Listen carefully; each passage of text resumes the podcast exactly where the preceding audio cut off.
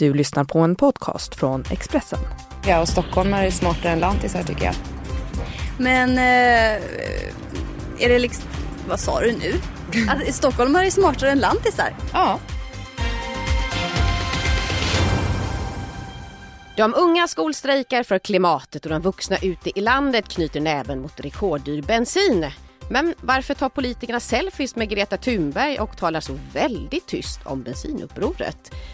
Sa Nyamko Sabuni att hon inte sa, sa hon. Detta är Politikpodden, podcasten där vi pratar, tänker och tycker i olika spörsmål och där vi står för våra åsikter och för fluffet. Idag har jag Malin Ros med mig i studion Karin Olsson, Expressens kulturchef. Välkommen Karin. Tack så mycket. Och författaren och krönikören Patrik Lundberg. Hej Patrik! Hej! Som har tagit farväl av Skåne och flyttat till Stockholm. Ja, man är tvungen. Ja men är man det? Jag tänkte fråga dig, hur, det satt ganska hårt inne. Ja, jag tillbringade 15 år i Malmö och det var väl eh, tillfället som gjorde tjuven helt enkelt. Jag fick en möjlighet att flytta hit. Mm. För du är egentligen eh, uppvuxen i Sölvesborg, Jim, Jimmy Åkesson-lande som vi brukar säga. Ja, jag brukar kalla det Patrik Lundberg-land. Ja, du gör det ja. Men det är också Åkessons stad. Mm. Har du någonsin känt, eller nu när du flyttar till Stockholm, att du sviker din, din hemort? Ja, på några sätt gör jag det men sen tänker jag att nu har vi en inne. Ja, okej. Okay. Karin eh, Olsson, du är uppvuxen i Hörby, också det i Skåne. 7000 invånare ungefär. Kan det stämma? Ja, runt 10 000 var det när jag flyttade när jag var 16. Ja. Mm. Mm. Vilket var några år sedan ska man ju tillägga. Det är några år sedan. Men vad hade du gjort idag om du hade varit kvar i Hörby? Ja du, ingen aning. Det har jag aldrig, aldrig tänkt tanken faktiskt. Um, du hade inte varit kulturchef på Expressen? Nej, kanske på Skånska Dagbladet. Kanske det. Ja. Du, eh, här, eh, den här podcasten ska handla ganska mycket om det idag. Om stad och land och om eh, klass helt enkelt. Och jag tänkte att vi skulle börja idag med att höra på en klassiker just om detta. Sen vill jag bara säga det till dig Göran. Jag tror att jag arbetar mera med människor som har varit i svåra situationer än vad du har. Och när jag har jobbat med sådana människor, också i andra länder, så handlar det väldigt mycket om att ge ett jobb, att ge värdighet, att ge dem möjlighet att utvecklas. Berätta gärna för mig, Carl Bildt, om den stora fina världen. Berätta gärna om nya IT-satsningar och nya flygplansmodeller. Men berätta inte för mig om det svenska klassamhället. Jag har sett det. Jag har växt upp i det. Jag hatar det. Mm. Det här var ju då, som alla hör, Göran Perssons, man får väl ändå se, säga, ge honom det, hans berömda debattseger mot Carl Bildt inför valet 98. Göran Persson som ju han får in en känga också till Bo Lundgren tror jag på samma tema, att Lundgren skulle inte komma och prata om hur det var att leva som fattig, han som bodde på en gård värd 6 miljoner. Så köpte herr Persson själv en gård som jag tror var värd det dubbla kort senare. Patrik Lundberg, hur mycket är politik och hur mycket är just retorik? Det låter ju som en talepunkt som han har övat in på förhand såklart, men jag kan tänka mig att alla socialdemokrater ute i landet blir varma i hjärtat. Eh, när de hörde det i, idag så kanske det snarare kan ses som lite tomma ord.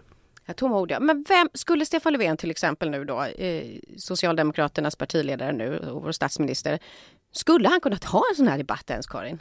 Han skulle kunna ta debatten och det gör han ju. Han refererar ibland till sin bakgrund som eh, fosterbarn och, och, sin egen klassresa och så. Men det är få svenska politiker som har Göran Perssons retoriska briljans.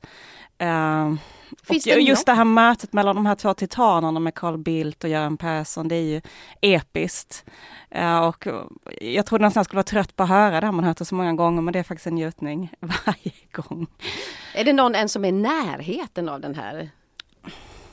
Det är svårt att säga. Jag kan inte komma på någon på rak arm, uh, i, i alla fall av de som är aktiva idag. Mm. Men om man säger retoriskt då? Ja men Jan Björklund är ju är riksdagspartiernas eh, eh, mest begåvade retoriker, mest jämna. Det blir sällan några magplask eller svaga tal, utan han har en, liksom en hög nivå. Jonas Sjöstedt är också en väldigt skicklig retoriker, väldigt bra på one-liners, väldigt bra på bilder. Eh, I övrigt är det väl ganska så klent kan jag tycka. Alltså Eva Busch Thor har ju energi när hon har någon slags eh, brutalitet som gör att hon eh, tränger igenom bruset men hon saknar den här elegansen och, mm. och liksom variationen i rösten som Göran Persson är så otroligt, eh, var så otroligt skicklig på. Mm. Och han har också berättat hur han utvecklar den här förmågan, alltså dels för, förstås i lokalpolitiken men också när han var ute och körde. Um, han hade till långa sträckor, han satt i bilen och då höll han tal. Mm. Uh, och det gjorde att han tränade upp den här förmågan att, att bara ställa sig och prata utan papper, var väldigt välformulerad. Uh, och han talar nästan så att det går liksom att skriva hans meningar. Mm. Och han har en förmåga att liksom stanna upp lite innan, innan han liksom firar av sin mening som gör att man känner att nu, nu måste jag verkligen lyssna. Mm. Men om vi bortser då eh, från det retoriska och kollar politiskt, Socialdemokraternas Eh, om man kan ta den här debatten idag. Jag var inne på det, värnskatten som ska avskaffas, arbetsförmedling reformeras. Patrik, kan, man, kan, kan Socialdemokraterna göra det? Eller vem kan göra det? Det är ju väldigt svårt för ja, det raka svaret är då kanske att ja, vänstern gör väl det i viss mån men de har ändå släppt fram eh, den här regeringen då som eh, stöttas av Liberalerna och eh, Centern. Så det är ju lite svårt att stå och säga att eh, de gör de här grejerna vad Ulla Andersson i Vänsterpartiet än säger och skriver. Mm. Patrik, du har ju skrivit mycket om de här rösterna i, som kommer ifrån landsbygden mycket nu. Bland annat om bensinupproret 2.0 som startade på, som en Facebookgrupp och idag engagerar flera hundratusen eh, svenskar. Vad är det som gör att det är så tyst från politikerna om bensinupproret? Jag tänker mig att de är väl rädda för att eh, då gå emot den andra breda opinionen som då pratar väldigt mycket om klimatet. Men de här människorna som jag känner som bor på landsbygden, de bryr sig om både klimatet och om att de ska ha råd att kunna leva. Men det finns ju ingen som vågar säga både och idag, tänker jag. Nej, för du, du skrev det just i din krönika att bensinpriset då i, i just den här eh, i det här upproret är bara en symbol. För det handlar egentligen om någonting annat och något annat som närmar sig kokpunkten. Vad tänker du då? Ja, men jag upplever ju att det finns ett uppdämt behov av att synas och höras. Människor har ju en tendens att eh, vilja det.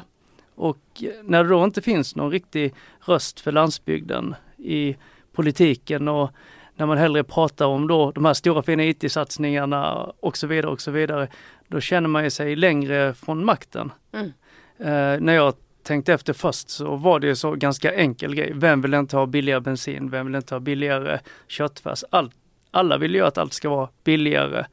Men sen när man började gå in och kolla vad det var för människor så, så var det inte alls bara den här vita medelålders mannen som hatar kvinnor utan det var ganska många eh, som har långt att pendla till jobbet och som har delade turer och eh, fram och tillbaka. Till exempel många kvinnor, och många med arbetarbakgrund och så vidare. Många med invandrarbakgrund. Så ja. Mm. Du Karin Olsson, vad säger du om den, den debatt och den icke-debatt som har blivit eh, kring just, om vi tar bensinupproret som ett exempel. Hade det varit en större kraft i det, även på politisk nivå så att säga, i den debatten, om det inte hade handlat om landsbygden?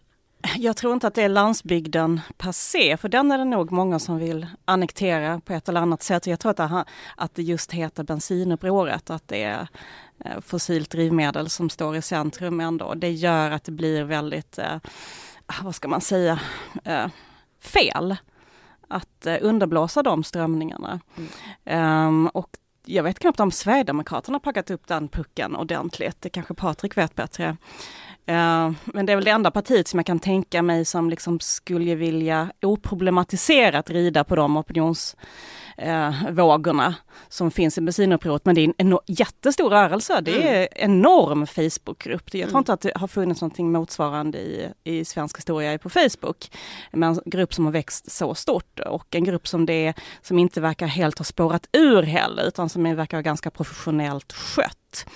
Um, och jag vet inte om vi skulle behöva se ett steg till som vi har sett i Frankrike, att folk sätter på sig gula västarna, går ut på gatorna, ställer sig på Stureplan i, eh, eh, i vägen för elcyklarna här i Stockholms centrum och elsparkarna för att det skulle bli lite större avtryck eh, medialt och i den politiska debatten. Mm. Du, sådana människor eh, som eh, Carl Bildt eh, talar om i det här exemplet vi hörde här just nu mot eh, Göran Persson. Det handlar ju då mycket om eh, arbetarklassen och eh, kvinnor som den här debatten fortsätter med sen då om man hade lyssnat vidare.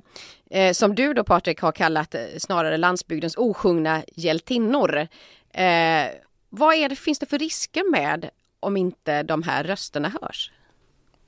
Ja, då slutar vi ju att eh, anpassa politiken eh, efter dem som socialdemokratin har varit ganska bra på att göra genom eh, 1900-talet. Och nu blir det lätt så att äh, människor här uppe i Stockholm kanske tänker att ja, men nu har vi det ganska bra. En man som jobbar med betong kan tjäna 50 000 i månaden och det känns ju jättebra. Men om vi inte hör de här kvinnorna som arbetar med delade turer i vården och som har det ganska kast och som kanske då har fått ta det stora ansvaret hemma också och som kanske till och med skiljer sig och står basskrapade. Mm. Liksom, vad ska hända med dem? Mm. Eh, det handlar ju om deras liv. Mm. För det kunde vi se också i en rapport från eh, Statistiska centralbyrån som heter Skilda världar, det demografiskt delade Sverige. Där kan man se att livslängden ökar då i alla grupper i, eh, i eh, Sverige just utom denna lågutbildade kvinnor där livslängden snarare sjunker. Du Patrik skrev ju en jätteuppmärksammad eh, krönika om din mamma eh, med rubriken Vem dödade min mamma? Vad fick du för reaktioner efter? Jag fick eh, positiva reaktioner från nästan alla läger man kan tänka sig och det är ju väldigt ovanligt kan jag säga idag. Det finns ju alltid någon som blir arg eller tycker jag är fel eller tycker jag är kommunist eller att jag är borgare och så vidare och så vidare. Men den här gången så var alla ganska eniga och det är inte så konstigt eftersom nästan alla människor i Sverige känner någon eller har någon i den e-, egna släkten som har haft det så här. Om det inte är deras egna föräldrar så är det deras mor och farföräldrar. Och sen har jag själv gjort en klassresa men det, det var ju tack vare att min mamma la ner det här jobbet och offrade i princip sitt eget liv för att jag skulle kunna göra den här resan. Mm. Fick du tillbaka många som kände igen sig då och som hade varit, i, varit med om samma liknande saker?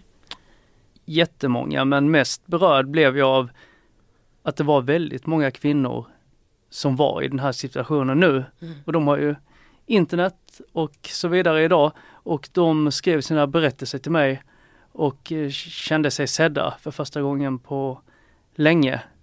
Men samtidigt så kan inte jag göra något för dem. Mm. För det handlar då också om geografiskt delade Sverige som vi har varit inne på. Det handlar om, vilket ju inte är någon nyhet just nu, men en krympande kommuner och en avflyttning. Jag läste själv en rubrik i veckan där det stod ett stålbad väntar för landets kommuner. Miljarder i, i underskott. Eh, Samtidigt så kan man läsa i januari, januariöverenskommelsen då att den här klassiska parollen som man har haft att hela Sverige ska leva, den har man ersatt med lite mer vaga hela Sverige ska växa. Vad säger du om det Karin? Ja, jag tycker inte att den är vagare utan den är starkare. Mm. Eh, det, man ställer högre krav plötsligt, inte bara att hela Sverige ska leva utan också ska finnas en tillväxt. Eh, vilket känns totalt verklighetsfrämmande i dagens läge när vi eh, snarare ser en, en avfolkning, eh, en, en, liksom en urbanisering som tilltar.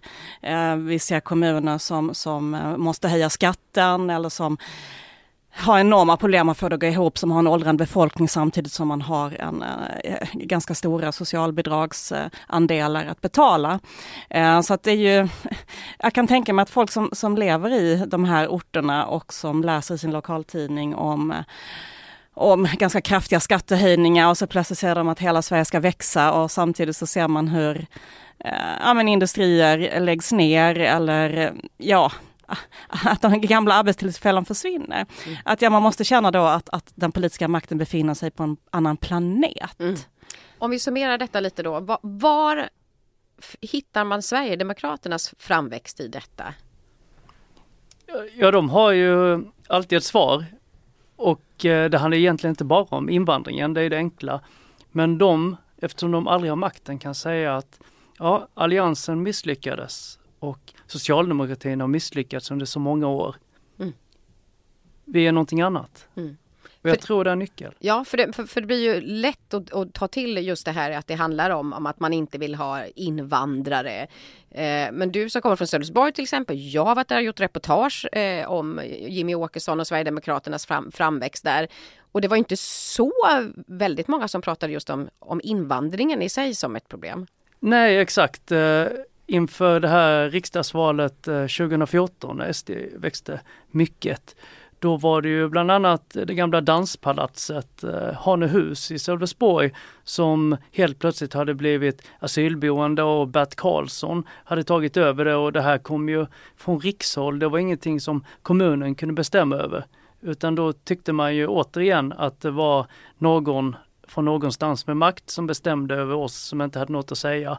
Och vårt fina danspalats mm. förvandlades till en, ja, asylboende. Ja det märkte jag också mycket när jag reste runt och gjorde ett, en serie som heter Asylrapporten. Då var det väldigt många på mindre orter som, som mest, mest var lite, vad ska man säga, sorgsen över en svunnen tid. Det var så härligt på 60-talet när man kunde åka just till Hanehus och man kunde äta på värdshuset här. Nu spelar det ingen roll att värdshuset kanske hade stått helt var tomt i tio år. Men det var ändå fint på den tiden man kunde äta där.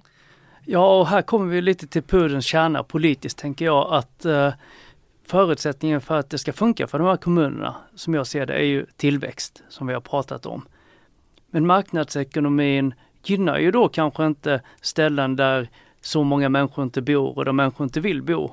Utan det är där vi har eh, liksom ett problem. Jag vet inte vad Sverige är så stort mm. och avlångt och med många perifera platser där det är ja, men bara logistiskt svårt att ta sig. Mm. Så det är klart att jag tror att den här avfolkningen kommer att, att fortsätta. Det kommer bli oerhört svårt att eh, att stoppa den. Och jag menar, jag vet inte den här återflyttningen, människor som flyttar ut och startar liksom ekologiskt jordbruk och så, som vi ser ganska mycket i sociala medier. Det finns ju ganska många sådana landsbygdsromantiska mm. eh, mediekanaler i den världen.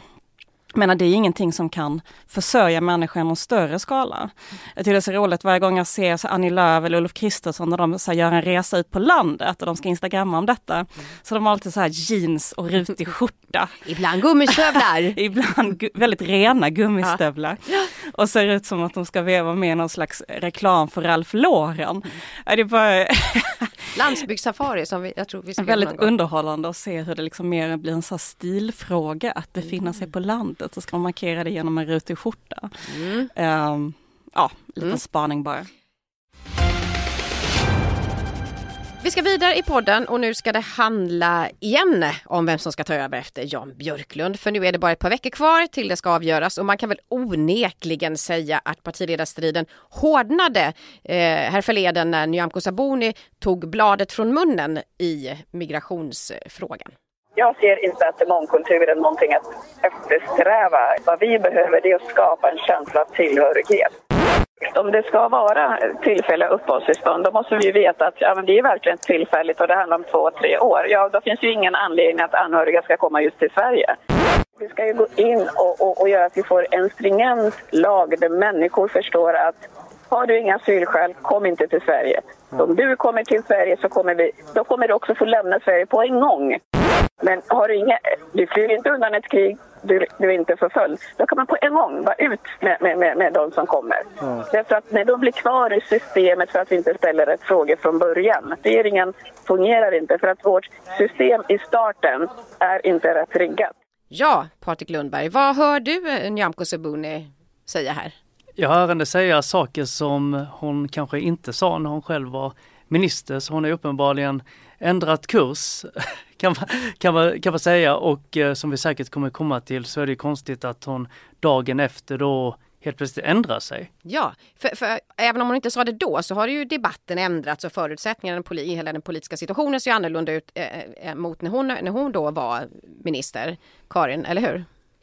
Ja, eh, många säger om Nyamko Sabuni att hon var tidigt ute, att hon tidigt eh, identifierade problem och, som skulle komma gällande migrationen och så.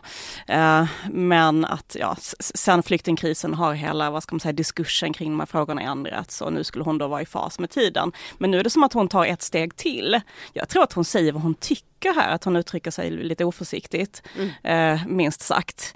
Eh, och sen efteråt så gör hon ju många vurpor när hon försöker hantera den här krisen. Hon säger att jag står för citaten till 100 procent, men det är fluffet runt om som gör att det blir fel inramning. Och det är naturligtvis bara struntprat, för det är i de direkta citaten hon säger de här sakerna. Ja, och vi hör ju och, dem själva. Här. Och nyhetsartikeln var väldigt stringent och inte på något sätt överdriven eller, eller märkligt vinklad. Och det ser ju alla som tar del av detta också. Så jag tror att Ja, hon hade, hade nog inte ett lysande utgångsläge att bli partiledare redan innan, men efter det här så tror jag att det blir väldigt mycket svårare. Eh, och jag tror att hon hade haft det mycket lättare om hon hade sagt så här, jag uttryckte mig lite grovt, eh, det, det, gick för snabbt, det jag menar är att till exempel att det är olyckligt när människor får vänta många år på asylbesked trots att man ganska tidigt kan se att det inte finns grund för det. Vi måste ha en snabbare asylprocess. Det var det jag menade om jag uttryckte mig eh, för hastigt. Om hon hade försökt hantera det på det sättet så tror jag kanske att partiet hade kunnat acceptera det på ett annat sätt. Men nu blev det totalt snurrigt bara. Mm. För det här kommer ju också efter då. Nu, nu vet vi ju inte riktigt, hon, hon backar lite men backar inte helt. Hon står för helt till 100% för sina åsikter. Men som sagt det här fluffet som ingen riktigt vet vad det är. För det var ju absolut ingen fluffig artikel. Eh, men det här kommer då efter att till exempel eh, Sverigedemokraternas toppkandidat Peter Lundgren då efter Expressens avslöjande att han hade tagit en partikollega på brösten, gick ut i egna kanaler och kallade avslöjandet för ovärdigt. Eh, det kommer också efter att eh, Kristdemokraternas Lars Adaktusson har tja, kallat, sagt, sagt ren lögn om Dagens Nyheters uppgifter om att han har röstat mot kvinnors aborträtt. Eh, utan att ge en intervju, eh, sen bara försvinna. Karin Olsson, vad är det här för en trend och vad, vad ser du för risker med det? Ja, men det här speglar ju den här, eh, inte så nya längre, men dock den medieverklighet vi lever i. Att politiker då kan ha egna kanaler där man kan få ett väldigt eh, kraftigt genomslag utan att behöva gå via en redaktör. Um, och det här ser vi gång på gång. Eh, och det ökar ju kraven på oss journalister att ha intervjuerna inspelade, att inte göra orimliga dragningar i texter, eh, att inte lämna luckan öppen för den här typen av mediestrategier från politikerna. Men den här gången kunde eh, Expressen lägga fram intervjun så alla kunde lyssna vad hon sa. Man, alla, länken kunde skickas runt öppet så alla kunde läsa artikeln. Och därmed så, så blev det här bara dåligt för Nyamko Sabunis trovärdighet. Mm. Um, men det finns ju fall när politiker lyckas med den här typen av strategier, som Robert Hanna tror jag efter DNs granskning kring bostadsersättningar. Han gick ut på sin Facebook och sa att DN har fel på den här den här punkten. Eh, och det verkar som att DN också hade fel på en del uppgifter och fick rätt detta och eh, Robert Hanna fick ett väldigt positivt gensvar. Så att det finns ju exempel på när, det kan fungera. Men då det gäller nog att man verkligen har på fötterna för att om en politiker försöker ge en, försöker liksom göra en manöver som inte har någon verklighetsförankring så tror jag att det genomskådas ganska snabbt. Mm. Eh, men det är klart att vi i media har inte, eh, vi är inte ensamma om att sätta agendan längre. Och det har förändrat journalisternas verklighet väldigt mycket. Men delvis också till det bättre. Jo, till det bättre. Men jag tänker själv som, som reporter, man är ute och gör intervjuer med partiledare och politiker hela tiden. Om man ska gå dit och tänka, om jag går hem nu, jag gör en intervju, hon får säga vad hon vill och sen hugger hon mig i ryggen. Det blir inte heller något sådär jätteskönt klimat att, att jobba i. Patrik, vad säger du? Nej, jag tycker det är ganska fult, men jag kan förstå Nyamko Sabuni för att eh, ett parti som Liberalerna eh, de är ganska små idag och eh, majoriteten av alla svenskar tror jag, kanske till och med nio av tio, håller inte med henne om nu när hon ändrar sig och tänker men stå för vad du har sagt. Men Nyamko Sabuni behöver inte de här nio av tio utan hon behöver den tionde och då går det riktigt bra för Liberalerna. Ja, för ni kan inte gissa vad som hände sen. Eh, Expressen tillsammans med Demoskop gjorde ju just en, en undersökning då vem av svenska folket som, eller vem svenska folket ansåg var bäst lämpad att leda Liberalerna framgent. Eh, och det här var då efter Sabunis det här uppmärksammade utspelet om mångkultur och migration. Och Nyamko Sabuni rusar i den mätningen kan man säga. Landar på 37 procent, Erik Ullenhag 23, Johan Persson 5 procent och vet inte svarar 35 procent. Så vad ska vi dra för slutsatser? Jag drar slutsatsen att en person som är lite nervös nu är uh, Ulf Kristersson. Mm. För jag tror faktiskt att uh, Sabuni vid rodret uh, kan kannibalisera ytterligare på då den moderata delen av borgerligheten om jag ska vara helt ärlig. För honom är det nog bättre om Ullenhag tar över. Mm. Å andra sidan säger Ullenhag är en intellektuell politiker precis som Ulf Kristersson. De har lite samma framtoning, de vill vara verserade, de vill ha en vuxen ton, de är inte så konfliktsökande, så de är ganska lika. Mm. Så frågan är vem som, som vinner i de duellerna, om det nu ens blir några dueller eller om det bara blir artiga samtal. Ja men jag tänker med just men, men en, annan grej i den här demoskopundersökningen som jag tyckte var spännande var ju att, att, att Sabuni skulle vara eh, mest populärt hos liksom, citat folket var kanske inte så förvånande men att det var så många som inte hade några känslor eller som varken tyckte dåligt eller bra med mm. Ullehag. Han ingöt inte några känslor alls hos de tillfrågade, en stor del av de tillfrågade. Mm. Alltså han bara möttes av likgiltighet. Jo, men det är... och det är väl hans problem så ja, att säga. Ja men är det inte problem för hela partiet tänker jag? För ibland brukar man känna så här, nej men alla politiker är för, för lika, det spelar ingen roll vilket parti då, men man vet inte vem man ska rösta på för alla är så himla lika. Här står vi ändå i ett val där två personer, de två huvudkandidaterna ändå, ter sig väldigt olika. Då men... har vi å ena sidan den här snällismen med Erik Ullenhag och sen jag ska inte säga dumismen eller fluffismen, men Nyamko Sabuni då som helt bjära, kontra bjära kontraster. Hur ska de kunna enas? Ja, men jag tänker ju, jag vill ju personligen då slå ett slag för Johan Persson som är en klassisk folkpartist. Han är jurist, han har varit gruppledare i riksdagen, han är för sådana klassiska grejer som signalspaning och övervakning och ja, en klassisk eh, betongliberal som säkert hade kunnat ena det här partiet men det kommer ju tyvärr inte bli han. Nej, för det är det men han är lite sådär skönt rättfram också, eller någon slags eh, omedelbarhet som Erik Ullenhag saknar. Han är ju väldigt mycket av en broilerperson tycker jag. Mm. Ja, den enda gången jag kan komma att tänka på vad Ullenhag gjorde under sin uh, tid som minister var när han då som integrationsminister åkte till Malmö och skulle lugna medborgarna när Peter Mangs sprang runt Oj. och sköt människor. Jag förstår inte vad integrationsministern skulle göra där. Jag kanske hellre hade sett Lugnade han, ja. Patrik, lugnade han dem? Jag kan säga att jag träffade honom där på Rosengård centrum där ingen konstigt nog hade skjutits men det passade bra på Rosengård mm. och eh, folk tittade på honom och tänkte vad gör han här?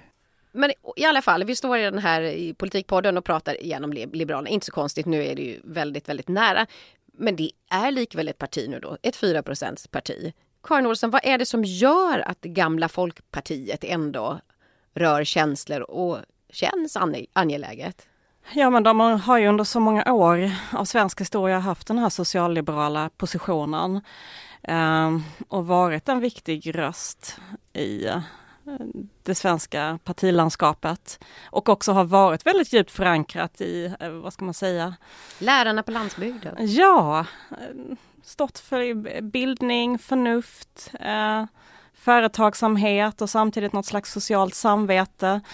Och frågan är då, vem har den positionen nu inom borgerligheten eller om man skulle ta bort Liberalerna? Har Centern den?